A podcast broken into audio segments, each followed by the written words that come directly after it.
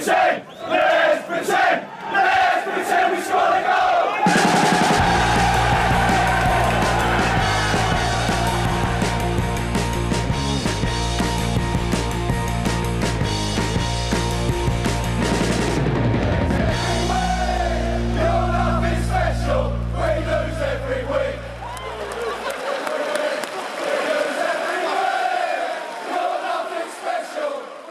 Sportbladets Premier League-podd, eh, välkomna ska ni vara denna soliga tisdag. Ja, soligt i Stockholm i alla fall. Eh, Hur har ni det i London Frida? Oh, det är soligt här också och ganska varmt dessutom så det är trevligt.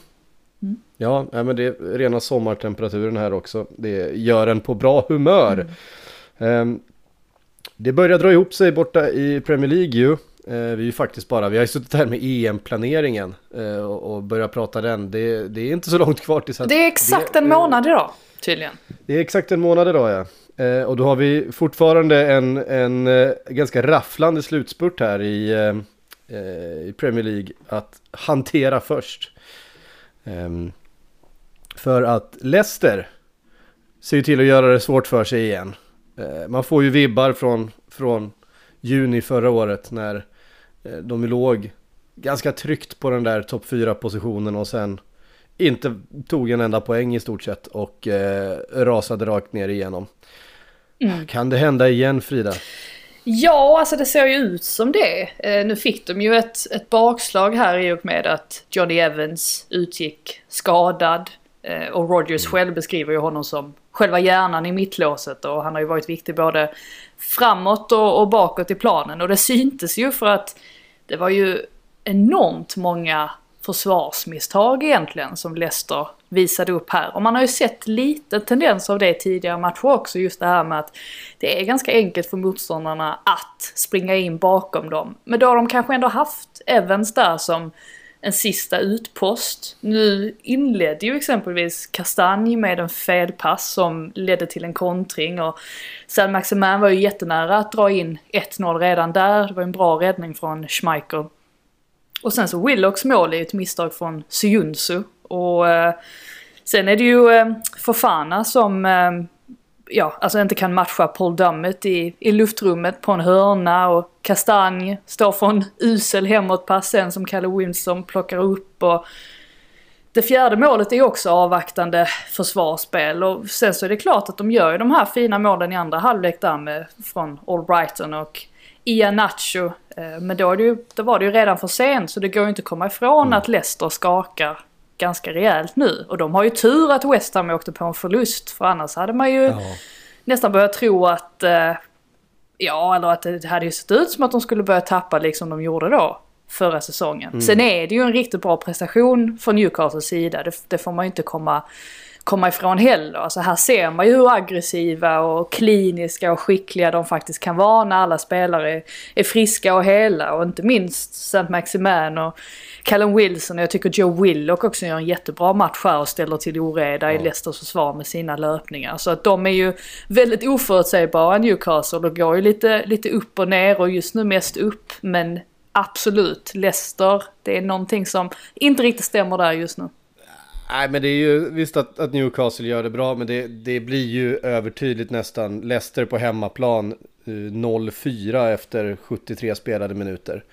Ehm, eh, då är det ju en minuspsyke och faktum är att de här två målen som de petar in kan ju få, eh, få betydelse för att ehm, de har ju just nu ett, ett ehm, målskillnadsövertag på Liverpool bland annat som ju är ett av lagen som ligger där bakom. Ehm, och det blir ju det är ju matcherna den här veckan, alltså Leicester mot Manchester United, Liverpool mot Manchester United kommer ju avgöra rätt mycket. Eh, Liverpool just nu då sex poäng bakom fast med en match mindre spelad. Och sen har ju Leicester sitt spelschema eh, som Ska vi se om jag kan få upp det här. Nu slutade där.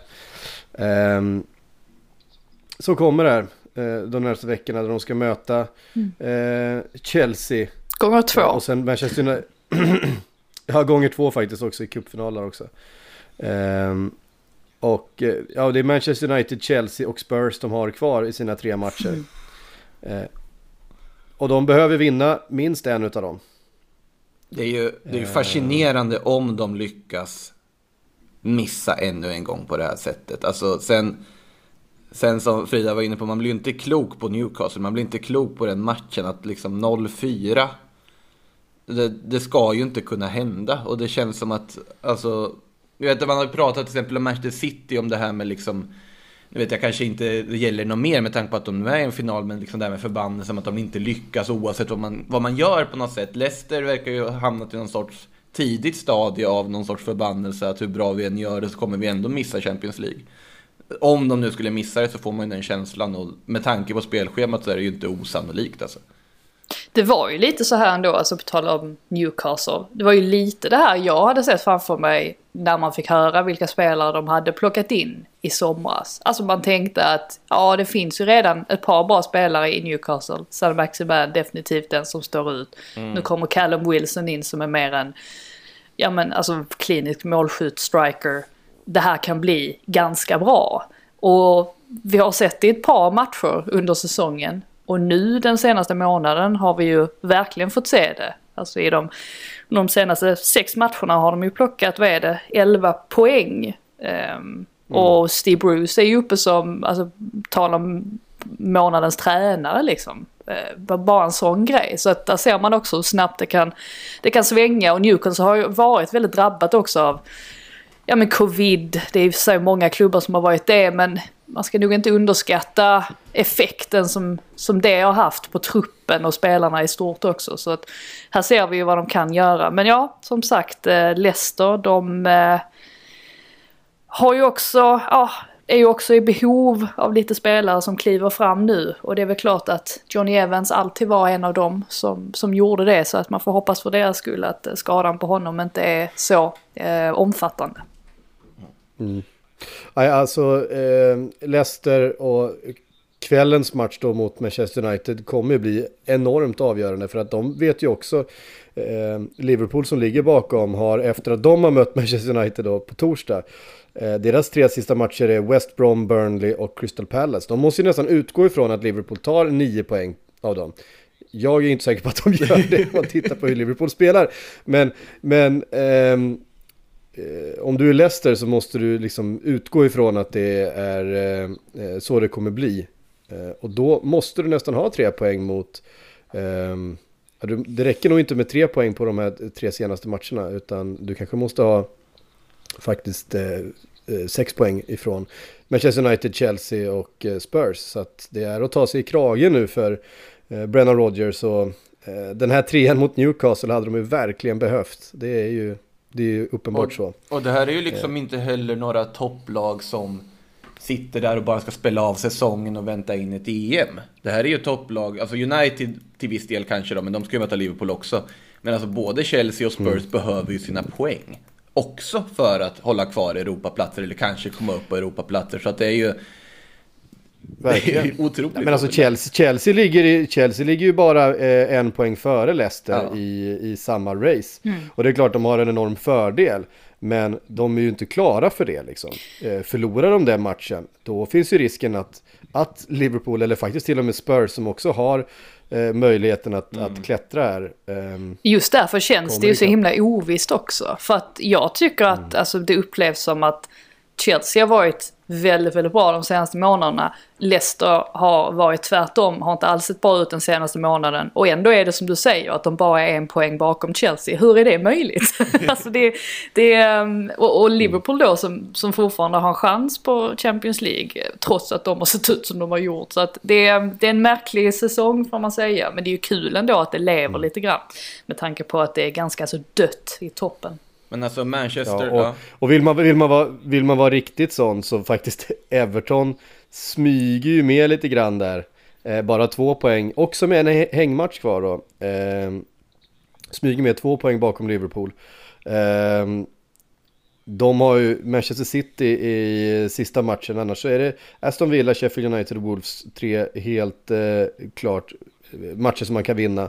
Ja. Um, Ska vi avverka West Ham Everton också nu när vi ändå är inne på de här eh, Ja, vi får, vi får väl göra det för att eh, Everton tajtade ju till det lite där genom att ta den där trean mot, eh, mot West Ham. Mm. Ja, definitivt. Um, otroligt viktig eh, trepoängare. Everton har också varit ett sånt där lag som man inte har varit sådär jätteimponerad av på sistone och särskilt inte när de spelar på Goodison Park. Men så fort de kommer utanför sin egen arena så kan de ju visa på vilken eh, fantastisk individuell kvalitet som finns i laget och det gör man ju där med, mm. med Godfrey som hittar fram med djupet mot Calvert Lewin. Ett litet otypiskt Calvert Lewin mål ändå. Um, är ju uppe på 16 mål just nu vilket får ses som otroligt imponerande. Um, och eh, han är ju konstigt nog en spelartyp som känns som att det börjar bli ganska så ovanlig. Alltså han påminner ju till viss del om Harry Kane och jag tror inte att det vore dumt för England att ha en sån som honom i, i EM-truppen i sommar. Eh, får in 1-0 här och sen så räcker det ju. Eh, man kan eh, hålla ut och eh, ta med sig tre poäng. De är ju ganska skickliga på det också, Everton. Att, just att eh, ja, försvara ledningar på det sättet.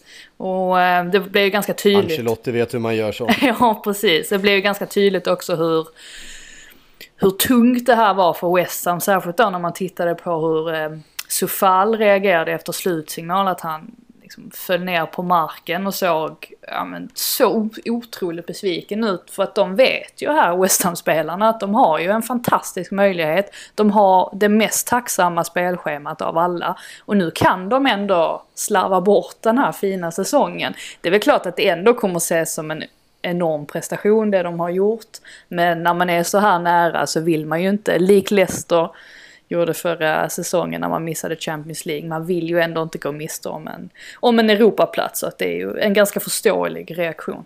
Ja, det, det går ju så fort också att nu Everton har en match till godo. Om de vinner så är de alltså på samma poäng som West Ham. Och då har vi suttit och hyllat West Ham en hel vår. Everton har vi haft ganska stora frågetecken för. Det är verkligen en en konstig säsong på så sätt att det är lite samma stuk som det har varit i många andra ligor. Om man bortser från Manchesterlagen här då. Eh, att det är det laget som har varit minst dåliga på något sätt. Att alla på något sätt underpresterar av topplagen i grupp. Och att det liksom ändå i slutändan är så att trots att vi har i olika perioder under säsongen, Chelsea, Liverpool, Spurs, Arsenal och så vidare som alltså genomgående underpresterat så är alla med i kampen på ett eller annat sätt. Och bara det säger ju en del om hur många det är som har haft problem. Och att Everton, trots ja. att de har haft den form de har haft under våren, faktiskt i högsta grad är med och slåss om den här platsen. Och har ett bra spelschema dessutom. Ja, ja det är ju det. Eh, det, det Ja, det, det, är ju högdramatiskt verkligen och det, det är så här, alltså, Liverpool-supporten i mig eh, vill ju såklart att Liverpool ska lyckas. Det, jag kan inte låta bli att, att, att känna så. Men den neutrala supporten i mig skulle tycka att det skulle vara så jävla tråkigt om vi står här i slutet av den här säsongen med City, United, Chelsea och Liverpool på de topp fyra platserna. Um, det, spe det, speglar ju inte riktigt, uh, det speglar ju inte riktigt säsongen. Nej, alltså verkligen inte. Och särskilt inte med eh. tanke på att om vi tänker på Manchesterklubbarna också, alltså hur det såg ut i, i höstas. Det var inte självklart att de skulle ligga etta och tvåa, alltså bara när man tänker tillbaka Nej. så långt också. Och vi kommer komma in på, på Southampton senare kanske, men de är ju ett praktexempel också. De låg väl tvåa, trea i tabellen för några månader sedan. Nu ligger de precis ovanför strecket. Alltså vilken, ja. ja, vilken helomvändning det har varit. Vi skulle väl adla Hassenhüttel i början av säsongen eller? Var inte det meningen? Nej, nej, nej. Jag har, all, jag har aldrig velat adla Hassenhüttel. Jag har nog varit en av dem som eh, inte har dragits med sådär jättemycket ändå i de här lovorden till honom. Men det kan vi komma in på, komma in på senare. Ja, eh, alltså eh, Liverpool då som slog just eh, eh, Southampton och, och Liverpool som har varit så usla och som har liksom eh, har inte lyckats med nästan något. De är ju faktiskt obesegrade i sina eh, sju senaste matcher, är det va? Sex senaste matcher? Något sånt. Eh, och har ju, om man tittar på det, en resultatmässigt ganska fin form, även om man har eh, missen mot Newcastle, eh, krysset mot Leeds och så vidare i eh, eh något slags färskt minne. Och eh, 2-0 mot Southampton, det var ju inte ett, det var inte ett Liverpool som imponerade på något sätt men eh, bollarna trillade in den här gången. Eh, och Allisons eh, fadäs som han ju har eh, med ganska jämna mellanrum nu för tiden resulterade inte i ett mål den här gången. Det var liksom Ja, eh, den, där, den där bollen liksom som, jag ska säga att Alisson var väldigt bra den här matchen i övrigt. det var det som var, Eh. jag, jag re- reagerade lite på det för jag tror det var Jamie Carragher som var expert och de får ju välja ut man of the match. Och då väljer han Allison och det här är ju alltså tio minuter efter att han har stått för den fadäsen. Jag bara satt och tänkte att ja, jag förstår ju det på ett sätt men det är ju lite konstigt ändå att ge det till honom när han, när han var så nära att sjabbla till det igen. Men ja, å andra sidan, han Ja. gjorde ju inte det så att eh, det får man väl se som en, eh, som en Nej. vinst då. inte, är inte det största som hände i den här matchen att Salah passar Mané till ett mål? Jo, det har ju inte hänt sedan juni förra året. Det, vilket det ju är helt sjukt. Det är helt sjukt. Ja, det, det säger ju Mané lite. har väl knappt gjort mål sedan juni förra året. Nej. Nej, det säger väl lite om problemen där som de har haft i anfallet också. Men det är väl klart att de, de behöver ju att de två steppar upp nu här mot eh, slutet om de ska kunna knipa en plats ändå i uh, sista stund. Och Thiago också med sitt första mål, bara en sån sak. Han var väl lite upp upp och ner under den andra halvleken framförallt, men avslutet var ju väldigt, väldigt fint där till 2-0. Ja, ehm, eh, och ja, fanns ju lägen igen. Det, alltså, man så, tittade ju på den här matchen och kände att det här var ju Groundhog Day igen. Ja, men spelet såg ganska fint ut i första halvlek. Eh, chanserna kom och så kom 1-0. Men man satt bara där och väntade på att, att 1-1 skulle komma när som helst. För att det där andra målet bara trillade inte in. Det är ju tur, tur att Southampton inte har någon, eller tur för Liverpools del att Southampton inte har sån, en sån där jättevass slutprodukt. Som jag tänker på Mm. då exempelvis när Alisson sjabblar till det. Det avslutet som Adams, det var väl Adams, ja det var det? Eh, Det Ja. som han får till där är ju totalt misslyckat. Eh, Så att de Ja. hade ju inte heller marginalerna på sin sida på så sätt ju. Nej, och det har de ju inte haft som vi var, som vi var inne på. Och Southampton som ju spelmässigt påminner lite grann, alltså Hasenhüttels filosofi är ju lite eh, Jürgen Klopp light på något sätt. Alltså det är ju väldigt mycket intensitet och det ska pressas och löpas och, och väldigt mycket och de ser ju trötta ut. De ser också väldigt trötta ut. Eh, och i slutet på, de här, på den här matchen så var det många tunga ben på plan alltså. Eh, för att Liverpool som ställer upp med Rhys Williams och eh, Nat Phillips i mittförsvaret. Det fanns ju, det var ju ett försvar som man kunde, som man kunde attackera om man säger så. Ja, verkligen Eh, springa in bakom där. Ja. Det, gjorde, det lyckades man ju med. Det, det är väl där Alisson gör den här fantastiska räddningen också. Det är väl Adams igen va? Där han eh, eh, Precis, gör det, gör det springer in bra. bakom ryggen på Rhys Williams. Men Ja. alltså sammantaget så, alltså Hasenhüttels fotboll, alltså om den ska lyckas, du kan ju inte spela med ett, men med all respekt, Charlie Adams och Nathan Tella känns inte riktigt som det liksom anfallsparet som du som du lyfter i tabellen med direkt. Nu har de ju annars andra spelare som vanligtvis skulle vara tillgängliga, men ja, du har ju skadan på Ings och så vidare och sen Obafemi på bänken den här gången, men ah, Som fan, alltså han blir större och större varje gång jag ser honom. Jag vet inte hur mycket tid han lägger ner i gymmet. Ehm, för att eh, det känns i alla fall som att han växer. Ehm, nej, jag håller med. Det, det finns ju många frågetecken kring Southamptons trupp. Och det är väl också det som gör att man tänker sig att Hasenhüttel mycket väl kan lämna i sommar på eget bevåg. Just för att ehm, ja, det är, det är mycket att göra helt enkelt. En stor omfattande renovering att få till. Eh, men som sagt, det är ganska fascinerande att de låg trea i tabellen för inte, för inte så jättelänge sedan och nu ligger precis ovanför strecket. Det är, hans aktier har ju också sjunkit. Han hade säkert varit med i debatten mer kring Tottenham-jobbet om det inte hade varit för den här våren som de har visat upp nu. Och det blir ju så. Det, det, är, ju, det är ju faktiskt bara naturligt. Även om jag ändå tror att han kan landa ett annat jobb. Jag tror fortfarande att han är attraktiv för många med tanke på den fotbollen han spelar. Eh, själv tycker jag att han är lite Alltså så här får man ju inte säga egentligen, det är taskigt. Men han, jag tycker han känns lite konstig. Eh, att han gör vissa uttalanden som liksom, ja, som får en att reagera lite grann. Säger saker som man tänker att det där var kanske inte jättebra att säga. Alltså hur ska spelarna ta emot det? Men som sagt, det, jag tror fortfarande att hans aktier är relativt höga även om de har sjunkit. Mm.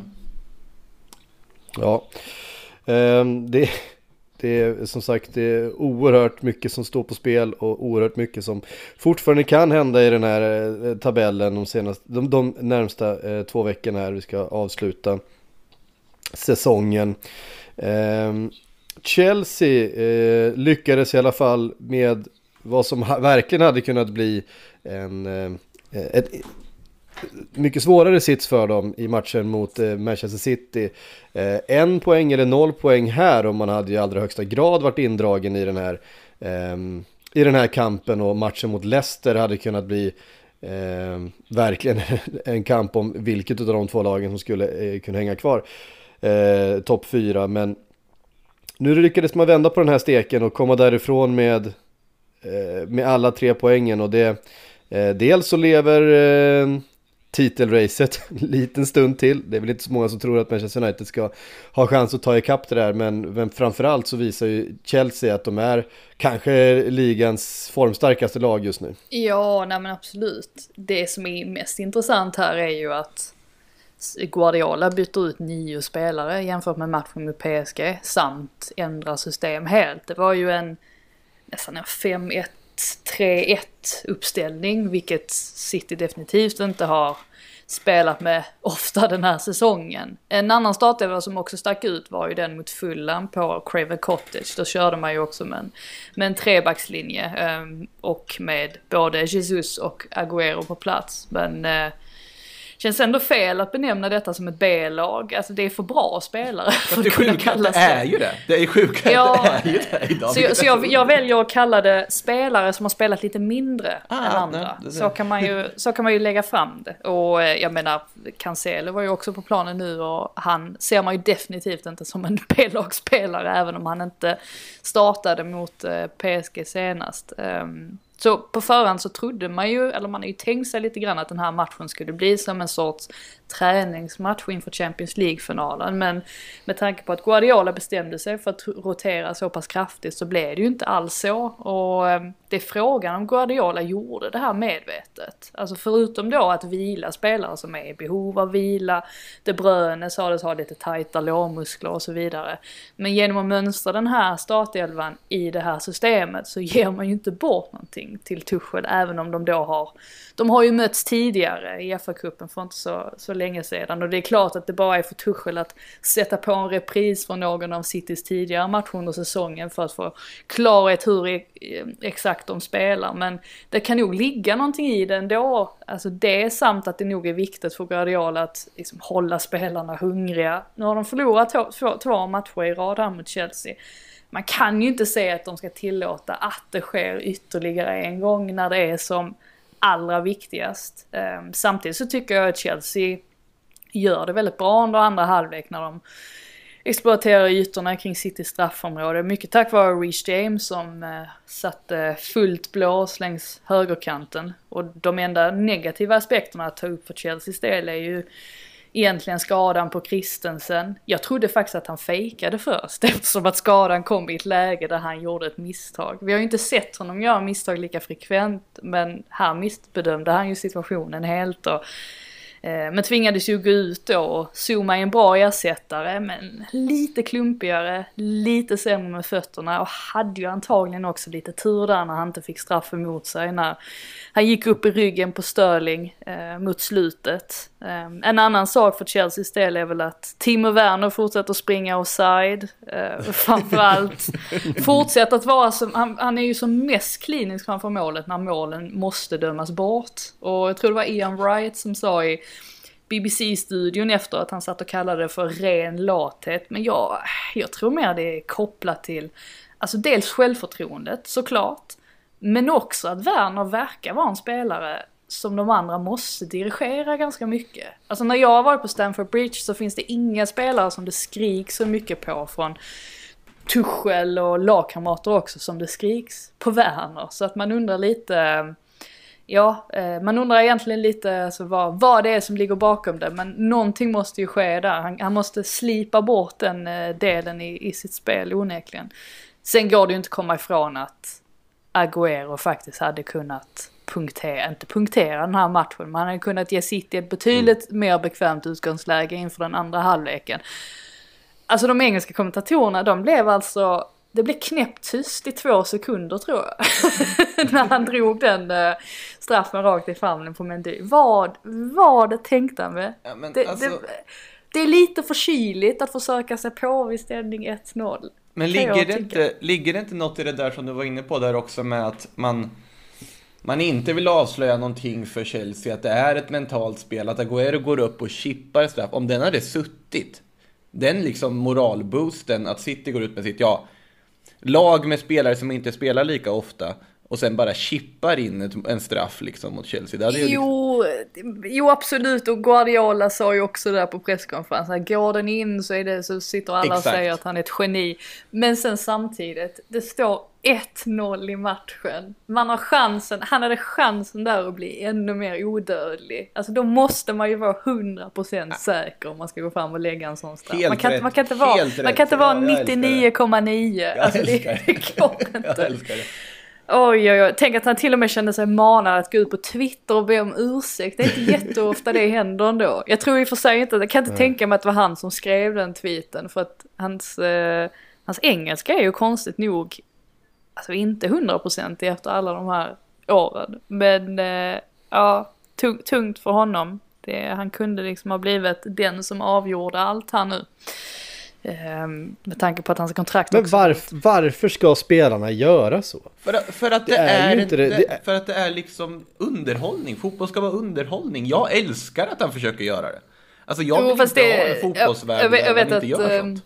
Eh. Peter Crouch, eh, Peter Crouch satt och, och berättade en anekdot för han hade själv varit med om det här sa han eh, när han spelade med England mot eh, Jamaica och det är kanske inte det tuffaste motståndet så att de drog ifrån där ganska snabbt målmässigt.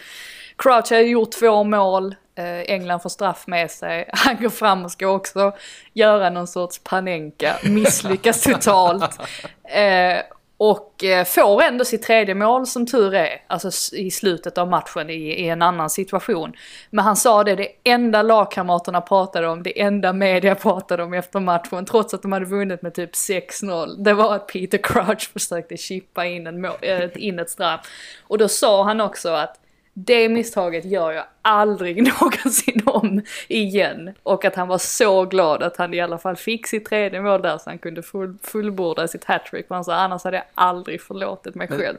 För att det är ett sånt ja, förödmjukande sätt att ehm, eh, ja, förödmjukande resultat av en straff att eh, misslyckas med en chip på det sättet. Men det är ju det som gör Panenkan så otroligt vacker och som gör att man tycker om den. Att det finns så oerhört mycket att förlora på den. Att jag blir alltid arg. alla- Jag blir, all, jag blir alltid arg när jag ser, oavsett om den går i mål eller inte så blir jag förbannad. gör, gör inte så, tänker man. Men jag förstår vad du menar, det är lite living on the edge. Men Ja men liksom Sergio Ramos, typ 5-6 Panenka-straffar han har satt. Han satt och körde ju bara där på rad ett tag. Det, det blir ju större av att se någon missa dem, för man vet hur mycket det finns att förlora på det. Så jag tycker att det, nej, det, det är en aspekt i fotbollen jag älskar, så där håller jag inte med dig Frida. Jag tycker det är helt underbart när man försöker. Och då blir det en miss ibland också. Ja, men jag, tror, jag tror inte Det man alltså håller med om man är, missade- om man är City-supporter så tror jag inte, jag tror inte man kan sitta och hålla med då. Jag, håller man Nej. på ett lag så vill man nog inte att en spelare ska hålla på med sånt där. Det, det är lättare när man är en objektiv åskådare. Det, det tror jag nog. Ehm, ja, men det är ju andra missade Panenkan vi har sett den här säsongen dessutom. Eh, Ademola Lukman hade ju en. Ja. Ehm, Ja, den ja. Och den, den, Den ång, den, den, ång, den ångrar Den ångrar han bittert tror jag. Eh, Det var en galen match också ju. För Fulhams Ja. del Var inte det typ i Dessutom. slutminuterna dessutom? Man kunde avgöra alltihopa Jo. och han bestämmer sig för att Panenka den. Precis, precis, precis så. Alltså jag vet inte, det är, någonting, det är någonting med att man nästan oftare ser Panenkas misslyckas än lyckas nu för tiden. Ehm, eh, det är ju också så att för, jag kan ha fel här men eh, min, min känsla är att målvakterna chansar mindre än eh, vad de gjorde förr. Alltså går vi tillbaka 15-20 år, då var ju egentligen metoden välj ett hörn, kasta dig ditåt. Valde du samma hörn som, som straffskytten så hade du en chans att ta den. Eh, Jag tror att, att eh, målvaktsarbetet vid straffar är lite mer eh, inläst, lite mer genomtänkt. eh, än så nu för tiden. Jag tror, och vi ser ju många målvakter som faktiskt står kvar. Ehm, Jamie Vardy hade ju, hade ju eh, som metod att alltid bara dunka den mitt i mål. Tills han brände två sådana. Ehm, och nu kan han inte göra det längre. Eh, För att målvakterna lärde sig ju väldigt snabbt att, att eh, det lönar sig att stå kvar. Och det har ju funnits statistik på att det har lönat sig att stå kvar. eh, Istället för att chansa åt ett hörn. Ehm, Så att jag tror att Ja, min högst, min, min högst subjektiva uppfattning om Panenkan är att den, den kanske inte är lika framgångsrik som den var eh, förr i världen när målvakterna chansade. När ska, någon, när ska någon testa den här Henri Pires-varianten igen? Eh, alltså att passa. Ja, och, missly- och, och misslyckas med det. Om det kommer... den, den är ju också liksom en speciell variant. Ja. Den, den är liksom, liksom Sen ska ju... Panenkan gånger tio. Sen, ja, sen ska ju alla veta att jag uppskattar en dålig straff. Eh, det är ju väldigt Ja. underhållande. Men det är just något med Panenkan som, som är... Jag, jag gillar ju när straffar är väldigt, väldigt nervösa. En, en Panenka är ju eh, en hybris. Det är jag inte li- lika förtjust. Jag gillar ju en straff som går fem meter över. Eh, det, det det, det är underhållning. Ja, jag, Det är ju jag vill ju helst inte om Zlatan nu om hans knä inte är alldeles för fördärvat så vill jag ju inte att han kliver fram i en eh, eventuell kvartsfinal i EM och försöker sig på och chippa in bollen. Då vill jag ju bara att han ska Nej. göra sin trademark straff och bara dra in den hårt vid i ena hörnan. Eh, Men det är bara vad jag vill i alla fall. Bästa straffmissarna Ja. är ju de här när de trippar upp och sen dundrar den över. Det, det är ju mina favoriter. Alltså det, Ja. För det finns liksom både den här totala nervositeten som försöker dölja med fullkomlig liksom nonchalans och kaxighet som du egentligen inte har och sen bara tokbränner den efter det. det jag tycker Simone Sassa straffen är något av det vackraste som någonsin slagits till exempel. Den, Man ska den, väl aldrig Ja, ta exakt. för lång ansats, känner man lite grann. Att då, ja, ibland går det vägen, men, men det känns som att redan de spelarna som tar en lång ansats, redan där känner jag mig lite osäker på vad som kommer ske. Jag, Mm. jag, jag vet inte, en lagom ansats, inget trippande, ingen panenka. Då är jag, Inte för kort då är jag lugn. Nej, inte för kort heller. Och för mycket krav vi har. Bara in med bollen i mål, herregud. Hur Ja, svårt ska det vara? precis, Panenka, Panenkans tid är över, jag säger det. Eh, det är samma sak det här, alltså, jag är oerhört eh, emot till exempel Jorginhos, det lilla hoppet. Du gör det ju bara, du, du, du lurar ingen mer, du gör det ju bara svårare för dig själv. Målvakten kommer inte chansa eh, när han ser att Jorginho eh, kliver upp. Nej men han står kvar och så ser han ifall han kan nå bollen eh, därifrån. Och så har Jorginho helt plötsligt fabricerat ett hinder för sig själv att slå in den där bollen. Det är ju bara att rulla in den vid stolproten. Det ska ju en professionell fotbollsspelare klara. Han gör det inte alltid längre. Alltså jag vet Nej. att vi har något tillfälle under säsongen som Nej. han inte gjorde. Eh, Så att han, Att han, han blandar på den här lite. podden. Ja, men han blandar och ger lite nu. Eller blandar och ger. Han, han blandar till det lite. Eh, Men det gör han kanske för att ställa målvakterna. Ja, för det, innan körde han ju alltid den liksom. Jag vet inte, ni som, ni som är ungdomar kanske inte kommer ihåg hur Thomas Brolin brukade slå straffar. Nej. Eh, men han var, ju, han var ju mästaren på att, att liksom i löpningen fram på, på något sätt vänta ut målvaktens första, första liksom ansats så han kunde eh, läsa vart han skulle ta vägen. Eh, det, är, det är väldigt få som gör det nu för tiden. Nej, det har, jag ville för bara framhäva att jag är ju för hoppstraffarna också. Jag känner att vi har liksom monumentalt olika liksom eh, värdegrunder när det kommer till straffläggande i den här podden. Bara, bara för liksom sekretariatets skull så att det, det är framhävt. Ja, Mm, det ska vara power, kraft bakom. Så. Är det, det, exakt. Eh, Och det jag tjat- tjatar om det igen. Den bästa straffen som har slagits är Gibril Cissé eh, för Panathinaikos. Youtuba det. Eh, Det är den bästa straffen som någonsin har slagits. Den går inte... Den, Kom ihåg att du har Full- visat full- någon gång tidigare. Full vrist mitt uppe i krysset bara. Ehm, det är också så här, hej jag spelar i Grekland, jag bryr mig inte riktigt hur matchen slutar. Hela, hela, den, hela den straffen har, bara lyser av, jag, jag, jag vet inte ens riktigt vilket lag det är vi möter. Ehm, ehm, Arsenal West Bromwich 3-1. Eh, Arsenal som ju går upp och ner och fram och tillbaks. Ehm, eh, Smith Rowe kliver fram igen. eh, ett, av, ett av säsongens stora genombrott. Om Bukayo Saka var förra, förra säsongens stora genombrott så kanske Smith Rowe är den här säsongens. Ja, vi får inte glömma bort vem som spelade fram till honom också. Det var ju Bukayo Saka. Ja, det är ju- Så att det var ju dubbelt, eh, dubbelt akademin där. Eh, Smith Rowe Mm. sa ju det efter matchen också att han, han sa till Saka att eh, du och jag har spelat fram till dig ganska många gånger nu. Nu är det dags för dig att spela fram till mig. Och eh, så blev det ju. Vilket ju var, eh, ja, det var väl skönt för Arsenals del och Smith Rowe sa ju det också i, i sin intervju att det har varit en tuff vecka såklart efter uttåget mot Villarreal. Många som har hängt med huvudena deppigt på träningsanläggningen. Så att de behövde ju den här segern. Eh, någonting som var, jag var ju där på plats och någonting som ehm, var, eh, ja, alltså som man la märke till ganska mycket under matchens gång var ju att det ändå var ett hundratal fans som hade samlats utanför The Emirates och stod liksom precis vid en av grindarna och gjorde så mycket ljud ifrån sig att det hördes ut på planen och spelarna måste ha hört det.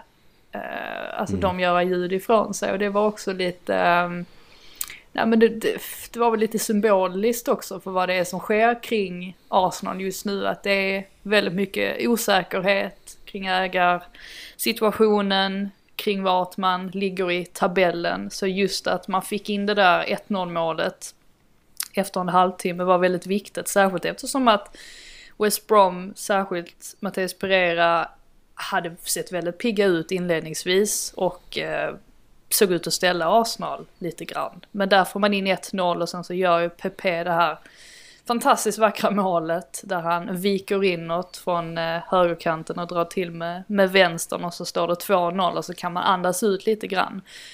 Det mest intressanta egentligen som hände under den andra halvleken var eh, när Kyle Bartley i, eh, vad kan det ha varit, alltså kort innan reduceringsmålet, när han helt plötsligt bara skriker någonting i stil med att får vi bara in ett mål så kommer de i princip skita på sig. Eh, det, var någonting, det var någonting i den stilen, lite fler svärord i det Bartley skrek, men det säger ganska mycket om mentaliteten i det här laget. Det slog mig att det är ju precis det problemet Arsenal har, att de lätt blir skakiga. Och det blir man i den här matchen också. Alltså när Pereira gör det här väldigt fina målet där han, ja, han bara löper ifrån Ceballos och El Neni. Det är ingen, det är egentligen ingen bedrift att göra det, men eh, samtidigt, sprinter. nej, samtidigt så är det ju ett väldigt, väldigt fint avslut från Pereira där eh, till, till 1-2. Men eh, nej, det blir ju signifikativt för, för det Arsenal har problem med. Just att de lätt släpper in motståndare i matchen på det sättet när de bara ska, ska döda, döda matchen helt enkelt. Sen så är det lite kul ändå att det blir William som sätter sitt sista spiken i kistan där med sitt första mål på 37 matcher. Det är han, sjukt. eh, drar in en frispark. Det var nog inte många som trodde det när han la upp bollen eh, på plats där. Men ja, han fick sitt mål och det var det sista West Bromwich såg innan de degraderades, att William gör mål. Ja. Det är ju lite, lite speciellt. Men det är inte konstigt att West Brom åker ur. Jag tror inte att någon är särskilt förvånad ändå av att de har varit en del av bottenstriden i stort sett under hela säsongen. Men Pereira är ju den som sticker ut och vi har ju pratat om läget tidigare, att det kan bli svårt att sälja spelare. Men ja, är det någon de är det någon som ska liksom lyckas klamra sig fast i Premier League så är det väl Pereira. Det har ju pratats lite om att Aston Villa visar intresse eh, förutsatt då att de har pengarna och de har ju ganska god ekonomi överlag. Och sen är det väl målvakten Sam Johnstone som tror visserligen inte att han kommer gå in som någon första målvakt i en Premier League-klubb i så fall, men det sägs ju att många av de större klubbarna kikar på honom eftersom att han vore ett väldigt bra backup-alternativ. Men eh, i övrigt, som sagt, inget förvånande. Men ja, första gången Big Sam åker ur Premier League också, bara en sån sak. Ja, inte ens Big Sam kunde rädda skeppet den här gången. Ehm, och eh, även Fulham är ju eh, matematiskt eh, Vilken utslagna. tråkig bottenstrid det har blivit. Alltså det, det finns någonting eh, deprimerande med att det är tre matcher kvar och allting redan är avgjort. Det är liksom helt matematiskt också. Jag tycker det är supertråkigt för det innebär att vi har ett ett koppel på typ åtta klubbar som absolut inte har någonting att spela för i de sista tre matcherna. Och konstigt nog får jag ändå säga att även om jag, jag vet att jag lyfte jag tror jag lyfte det efter um, West Broms möte med uh, Chelsea, att Big Sam har ju sett väldigt trött ut när han har suttit där på tränarbänken. Alltså nästan som att han inte längre bryr sig. Eller att han har tänkt att ja men det är redan, det är redan över. Men mm. han har ju trots allt, jag tycker ju inte att det var fel att sparka Billich ändå och plocka in honom. Han, han fick ju ändå rätt på en del saker och där finns ju några höjdpunkter under våren i några matcher som de har spelat. Bland annat då den matchen mot Chelsea, även om de i och för sig var en match mer under ja, stora delar av, av matchen. Men det stora misstaget de gjorde var ju att kliva in i den här säsongen med en trupp som inte var Premier League-material. Alltså hur kan man ha en trupp utan en, alltså utan en ordentlig defensiv mittfältare för det första. Bara där så känner man ju att det här, det här kommer inte gå vägen. Man hade ingen, ingen striker heller. Um, som var, som dög så att säga. Och så la man ju dessutom väldigt mycket pengar på Diagana. Eh, vilket är lite ironiskt om vi tänker tillbaka mm, ja, kring verkligen. reaktionerna där. Och hur ja, men Mark Noble går ut och twittrar. Och sen visar det sig att West Ham får en fantastisk säsong. Och West Brom går det rakt ut för Diangana har väl inte levt upp till de förväntningarna han anlände med där det är, ja, ibland kanske man ska sitta lugnt i båten, inklusive vi också. Att eh, man vet inte allting eh, och det, det kan uppenbarligen gå lite, lite hur som helst, eh, sådana där beslut. Det var ju faktiskt Dianganas första framträdande sedan februari i Premier League. Ja. Det är ju, alltså, med tanke på hur bra han var förra säsongen, det känns som att det där verkligen var en spelare som kanske kan må bra av att gå tillbaka ett år i Championship också och få lite, få lite självförtroende igen för han har ju verkligen inte varit så pass dominant som man trodde han skulle vara, precis som du sa. Nej, men det var ju inte riktigt, som sagt, det, det var inte vad West Brom behövde heller att få in när man tittar på deras trupp. Alltså där gjorde man ju en total felbedömning um, och, och gick efter fel spelare. Jag tror inte att det hade hänt om Allardyce hade varit där från, från början. Eh, jag tror att det får ligga ganska mycket på Billich ändå, även om han såklart inte är ensam om att rekrytera spelare. Men det är ju ändå han som har stått som, eller stod som manager. Det var ju han som hade det yttersta ansvaret ändå på det sättet. Mm.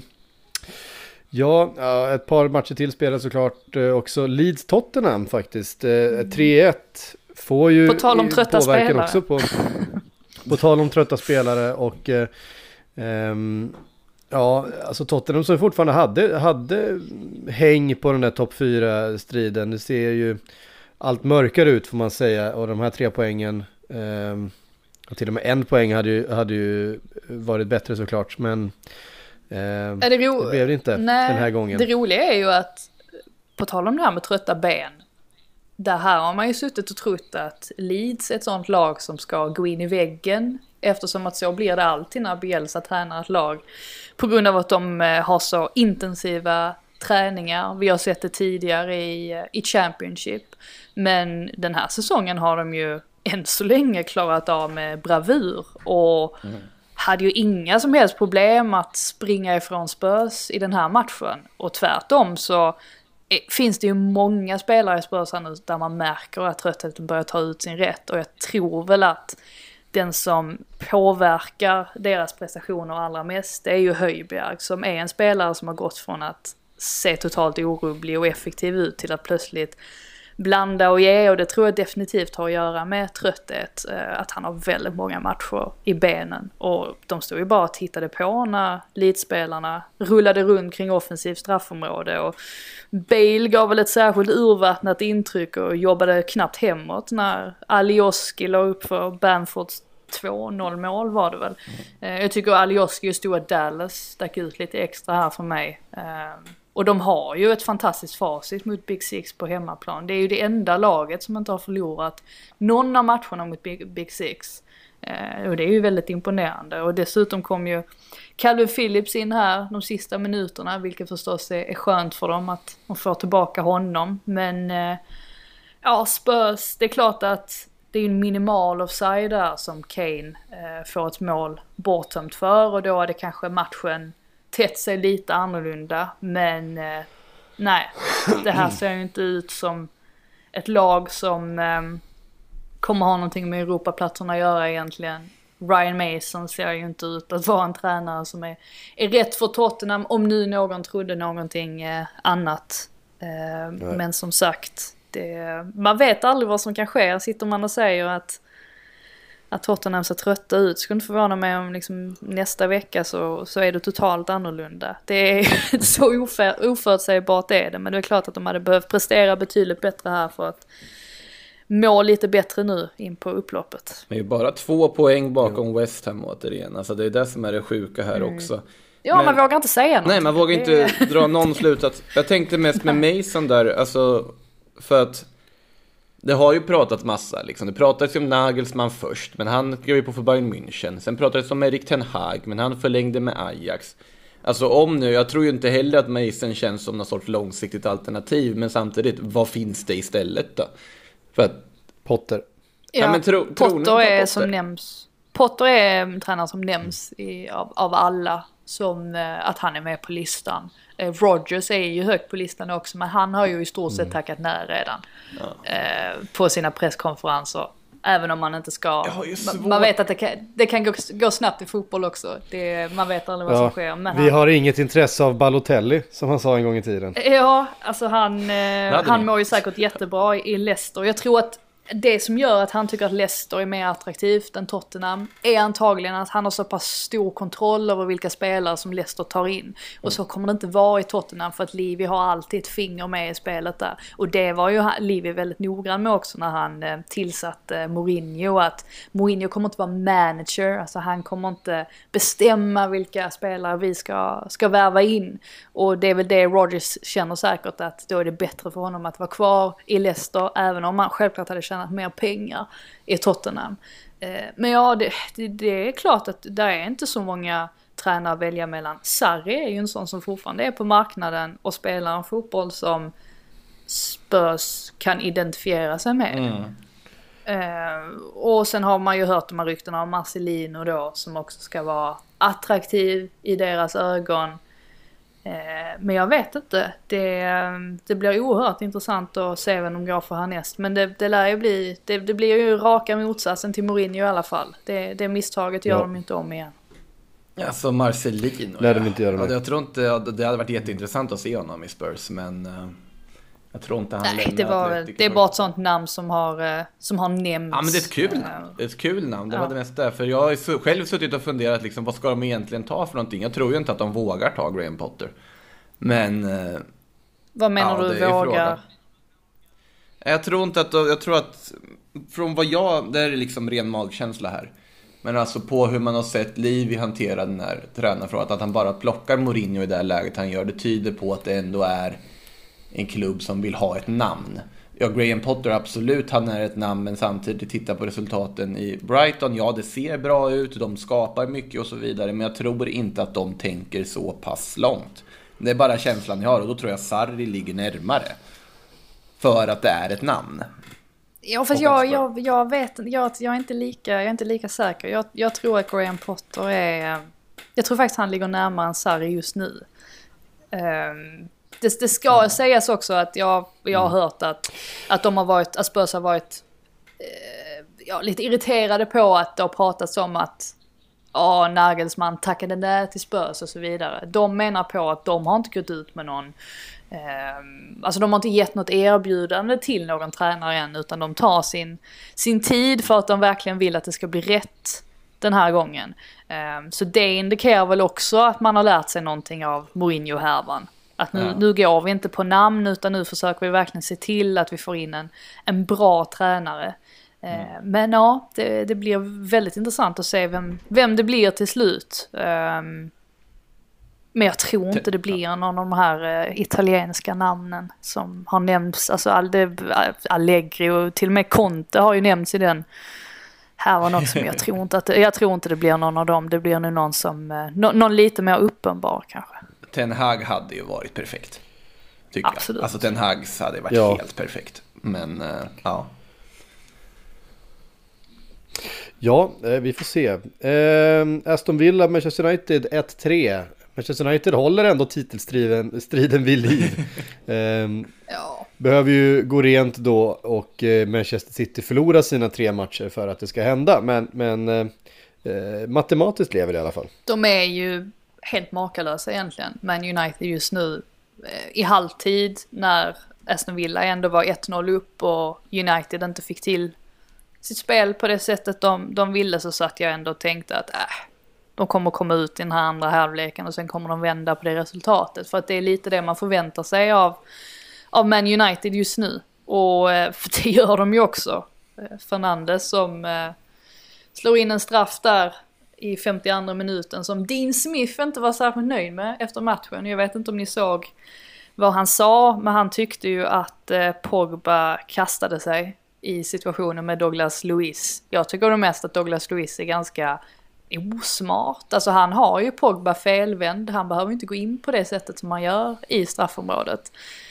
Men nej, oavsett vad Dean Smith tyckte eller inte så får de ju eh, straff med sig där United och sen lyckas de ju vända där också till stor del tack vare Greenwood också som drar in 2-1 eh, målet och inte minst Cavani som kommer in sen och gör ett sånt där inhopp som har varit så viktigt för dem egentligen under hela säsongen. Och att han nu har skrivit på ett nytt kontrakt får ju ses som en av de bättre värvningarna som Man United har lyckats få till, eller kontraktförlängningarna som de har lyckats få till för att nu behöver de inte gå in i sommarens transferfönster med den här paniken och känna att vi måste ha in en spelare. Nu vet de om att de har Edinson Cavani där som ett eh, ja, fullgott alternativ, fantastisk spelare och löpningarna han tar. Löpningen han tar dessutom på 3-1 målet är ju, alltså där ser man ju verkligen vilken eh, speluppfattning han har.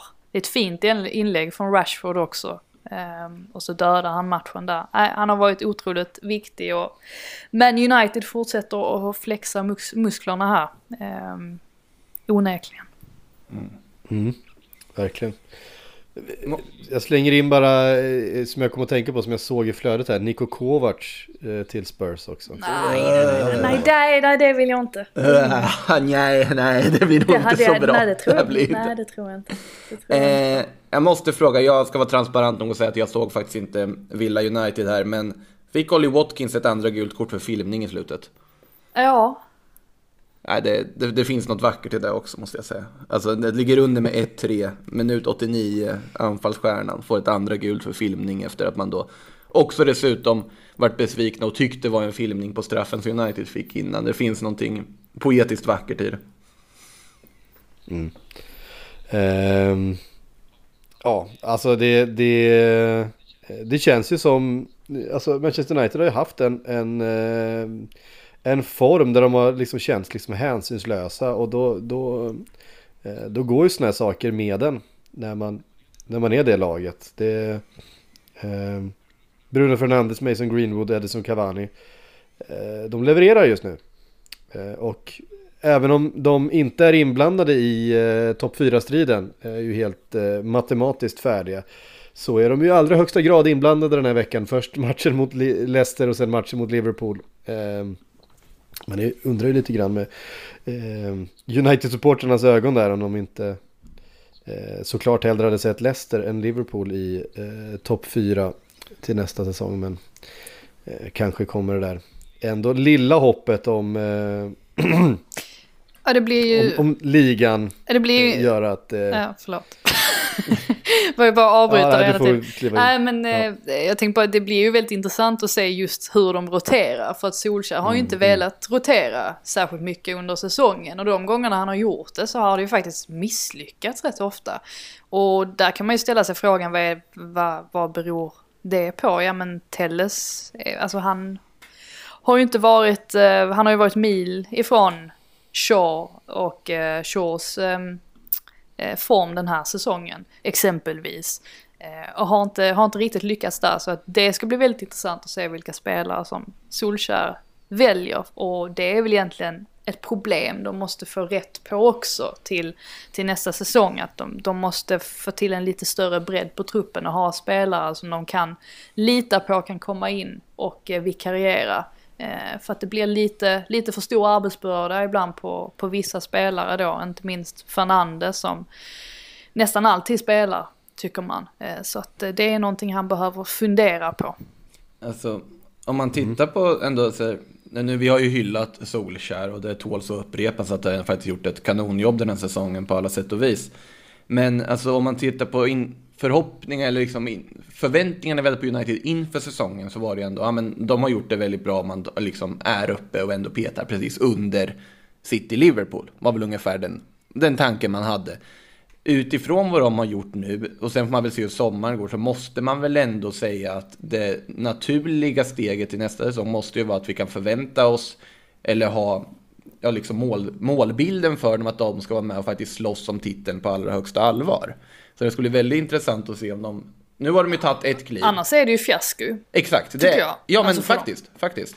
Alltså nu, nu har vi liksom kravbilden på United har vi lyckats höja ganska rejält den här säsongen. Så nästa säsong ska bli väldigt intressant att se om Solskjaer kan plocka det ännu ett snäpp. För han har ju uppenbarligen fått dem han har ju, de har ju lyft under honom, men nu måste de lyfta ännu ett snäpp för att bli det United som alla känner igen från förr. Liksom. Så det ska bli... Ja, och vi, vi får inte glömma bort liksom hösten. Där de förlitade sig väldigt mycket på att Fernandes skulle vinna matcherna åt dem. Så att, att ta sig därifrån till där de är idag är ju... Alltså det är ju, det är ju verkligen bra, det är ju Ja. imponerande. Från, från Solskjaer. Men som sagt, nu måste han se till att hålla i det här så att det inte blir ytterligare en dipp till nästa säsong. Och så hamnar man på efterkälken. Utan nu måste man få till en kontinuitet Precis. i insatserna. Och eh, ja, det är på som sagt det är det man det är det man eh, förväntar sig. Men det är lite samma sak som med Chelsea också. Det är väl klart att vi Mm. hade tänkt oss att Chelsea skulle utmana. Om, alltså precis bakom Ja. City och Liverpool var det ju tänkt då. Med tanke på vilka spelare de värvade in. Mm. Eh, sen är man ju ändå mäkta imponerad av Tuchel eftersom att han ändå lyckades vända på det på ett så pass ja, men, alltså noterbart sätt som han ändå gjorde och att han har fått igång Werner och Havertz lite mer än vad Lampard lyckades med under sina få månader egentligen som Ja. han arbetade ihop med dem. Eh, Men det är ju de lagen vi förväntar oss ska ligga där uppe så att det är absolut. Det blir intressant, intressant att se nu vad som sker under sommaren först och främst. Ja, verkligen. Eh, Vi har fått en del frågor. Vi tänkte att du skulle kliva över på att svara på lite frågor. Men eh, mycket frågor om eh, ja, men Arsenals trupp. Vad behöver Everton värva och så vidare. Alla vill ha Sillypodden, psyk. Det är därför de frågar vad alla ska värva. Exakt. Det är precis, det, det är precis dit jag kommer. Sillypodden kommer rulla igång nästa vecka, eller hur Makoto? Ja, sen har vi väl inte satt någon exakt dag för den, men nästa vecka så ska vi köra igång igen. Det är ju inget att snacka om saken. Ja, jag, har svår, jag jag har svårt att se att det dröjer till andra halvan av nästa vecka. Nej, lite så tänkte väl jag i mitt huvud, men jag vågar inte säga det innan jag vet ditt schema heller. Fint Ja, att vi planerar poddar också- live i en podd. Ja, det, det är mycket poddar nu för att i samma flöde då, precis som vi brukar göra, så kommer EM-podden dyka upp här om, om ett par veckor. Eh, så att det kommer bli mycket podd framöver. Eh, det är bara att ratta in och ni vet väl, eh, framförallt ni som har eh, Aftonbladets app, om man går in och följer poddarna där eh, så får man numera också en liten pushnotis när det kommer ett nytt avsnitt. Eh, Så det kan vara läge att göra det på Sillypodden. Gå in i Aftonbladet-appen, leta upp eh, Sillypodden i eh, själva spelaren där som finns. Eh, och sen så klickar man bara i att man följer och sen pling får man ett sms. Först av alla när eh, avsnittet dyker upp. Och det kommer som sagt komma Sillypoddar, det kommer komma massor med EM-poddar inför och under hela EM och så vidare. Så att, eh, det är läge att göra det. Det gäller ju alla poddar också, dessutom, så att även den här podden. Ja, det gäller alla poddar som, som, eh, som vi gör. Ehm, slår ett slag igen för Damallsvenska podden som jag tycker är eh, jätte, jättebra. kom ett nytt avsnitt igår. Ehm, och vi kan väl ta en av frågorna här då, eh, från Torbjörn Wennerholm. Vad skulle Everton behöva värva för att på allvar utmana om en Champions League-plats?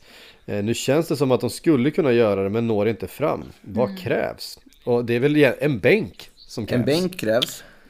En riktigt bra Ehm. mittback krävs. Ja, jag, Ja. Alltså grejen är jag hade väl, jag hade sålt Holgate för det första. Eh, eller jag tycker inte att Holgate, han imponerar inte på mig. Jag hade värvat en eh, högerback, tror jag. Sen får vi komma ihåg också att de har dels Moise Keane ute på lån i PSG. Får se vad som sker med honom. Theo Walcott också på lån, om jag inte minns helt fel. Um, får se, där kan man ju få in lite pengar eventuellt. Um, sen, ja, sen är det ju frågan vad man har för, eh, vad har man för ambitioner. Alltså vilken typ av spelare kan man få in. Det var ju mm. smarta värvningar de gjorde inför säsongen. Alltså ett av de mm. bättre fönsterna av uh, Premier League-klubbar. Um, Verkligen. Men kanske att man behöver få in alltså, någon till kreativ spelare möjligtvis också. Uh, det kan man ju aldrig få för mycket av egentligen. Så det är klart, alltså lite, lite av varje. Alltså nu har jag inte, jag får sätta mig in i det mer eller titta på det närmare. Men bara så här på uppstuds så är det väl det, det jag tänker mig i alla fall. En grundfråga jag ställer är, ja. kan man gå till, ta en CL-plats med Sigurdsson på mittfältet? Alltså han har ju varit jättebra den här säsongen, men det, på något sätt så liksom bryter det mot vad jag ser som CL-kompatibla trupper. Ja, nej men alltså jag, jag känner ju också lite grann att när, när spelare som Calvert Lewin och Richarlison och så vidare går sönder, då måste det kanske finnas någonting bättre än, än um, Iwobi och Bernard att slänga in. För det, det blir lite för stort, uh, för stort avstånd helt enkelt mellan uh, de bästa och de näst bästa spelarna. Mm. Um, jag tror att det är mycket det som har, uh, för vi har ju sett Everton när de har haft spelat med, med, sin bästa startelva så är det ju ett lag som är tillräckligt bra för att, för att finnas med där uppe. Och de är ju gubevars inte så många poäng bakom. Ehm, men det som har fattats är ju i vissa av de här matcherna när de har haft en hel del skador och det har varit tufft matchande. Ehm, då har inte riktigt eh, bänken räckt till helt enkelt. Eh, för jag menar spelare som Allan och eh, James Rodriguez som har kommit in ju och, och dessutom André mm. Gomes och så vidare. Det är ju tillräckligt bra. Även, även Calvert Lewin och Richarlison är ju tillräckligt bra spelare för att, för att spela i ett lag som, som krigar om topp 4.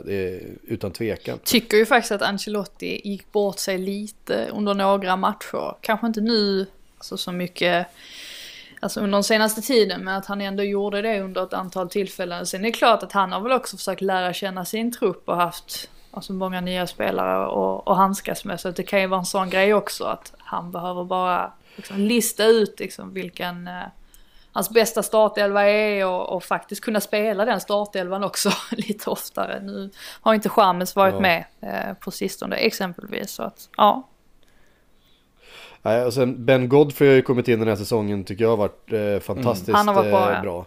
Han har varit bra. Ehm, eh, och, och, har en, har en jäkla pondus alltså. Mm. Det är någonting med, han har, han har, han har pannben på något sätt. Eh, för som han har klivit in liksom som eh, med genombrott med, med den attityden som han har haft. Eh, det är riktigt imponerande, så där tror jag att man har en, en försvarsspelare att eh, Ser vi honom främst som mittback då eller?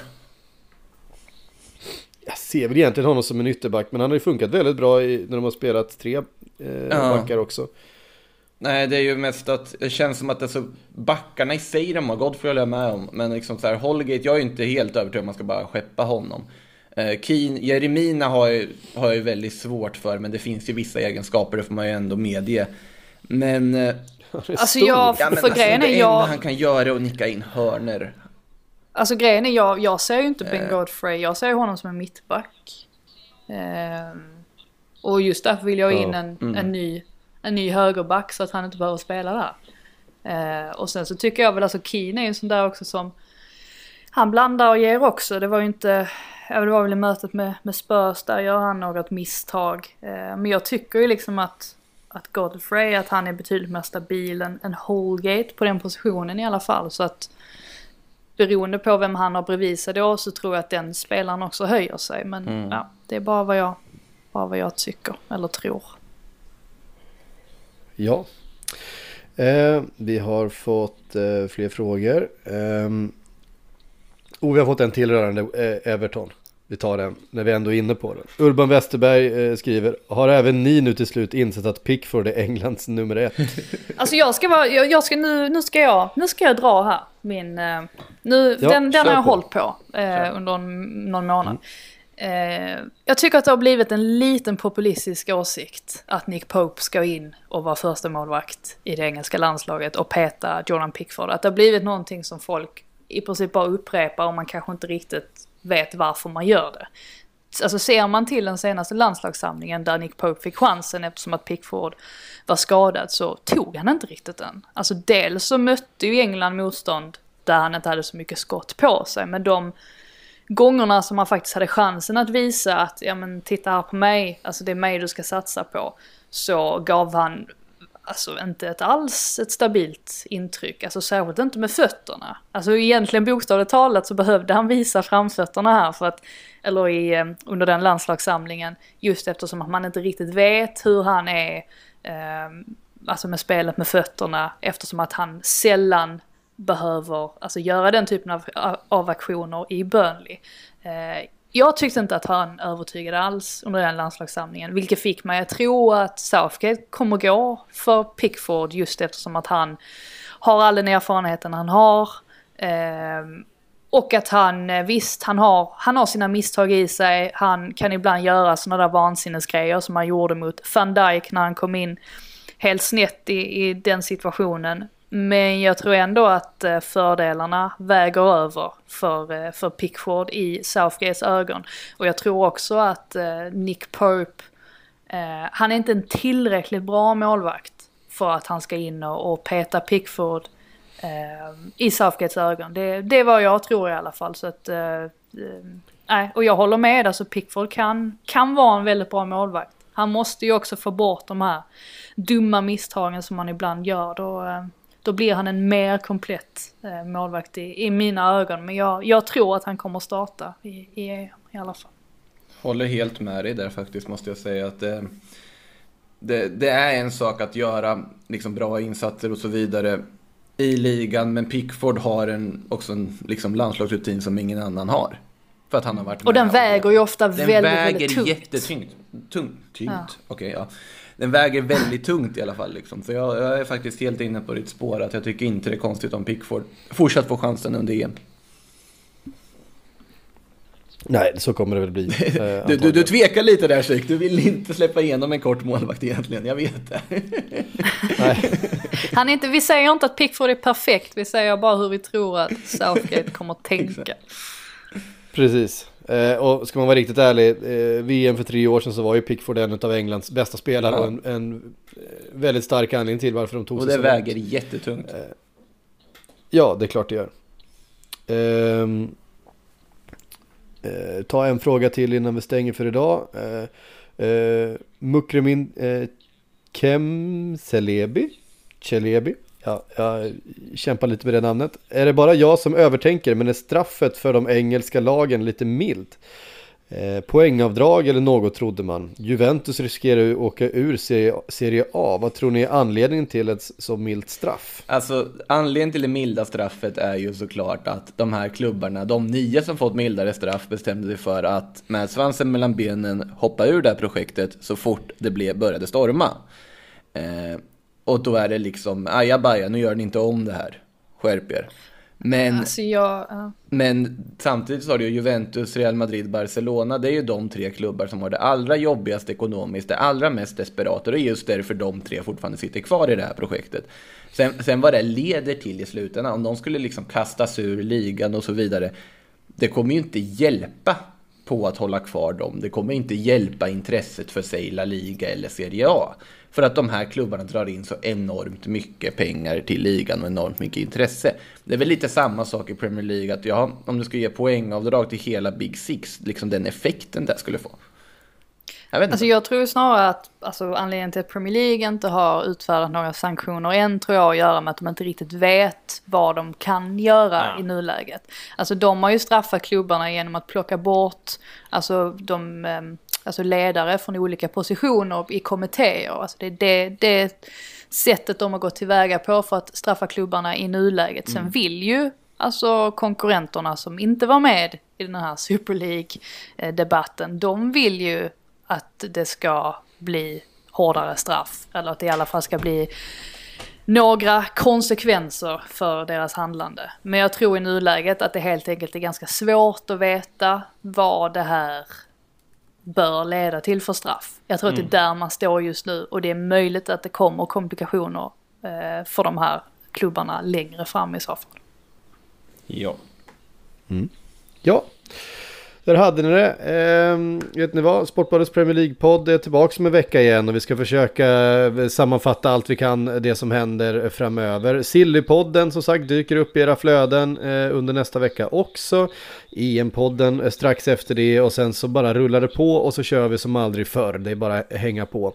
Eh, och som sagt in i, i Aftonbladets app och eh, in och följ de poddarna som ni gillar. Ni, vi, har ju, vi har ju fler, NHL-podden, Discgolfpodden. NHL-podd. ja, inte minst. Eh, eh, NHL-podden, där, just Discgolfpodden kommer kanske inte så mycket nya avsnitt eh, den här absolut närmsta tiden, men, men NHL-podden, för er som gillar NHL, kör ju hela slutspelet och sen är det trades och allt möjligt. Ni vet ju Ekeliv och Bjurman blir eh, eh, när det händer grejer där Ni borta. vet hur Ja, de blir när det händer grejer. de igång? Ja, de går igång. Herregud, Pod- då kommer tre, tim, tre timmars tre timmars avsnitt när Ekeliv har gått igenom alla AHLs mest lovande eh, backar. Ehm, det tycker Det jag. Eh, och då måste, man också, då måste man också få det väldigt tidigt i sin telefon. Pling säger det så vet man att shit nu kommer det bra grejer från NHL-podden. Och då, då har man det där. Ehm, så in och gör det så hörs vi snart igen. Tusen tack för att ni har lyssnat.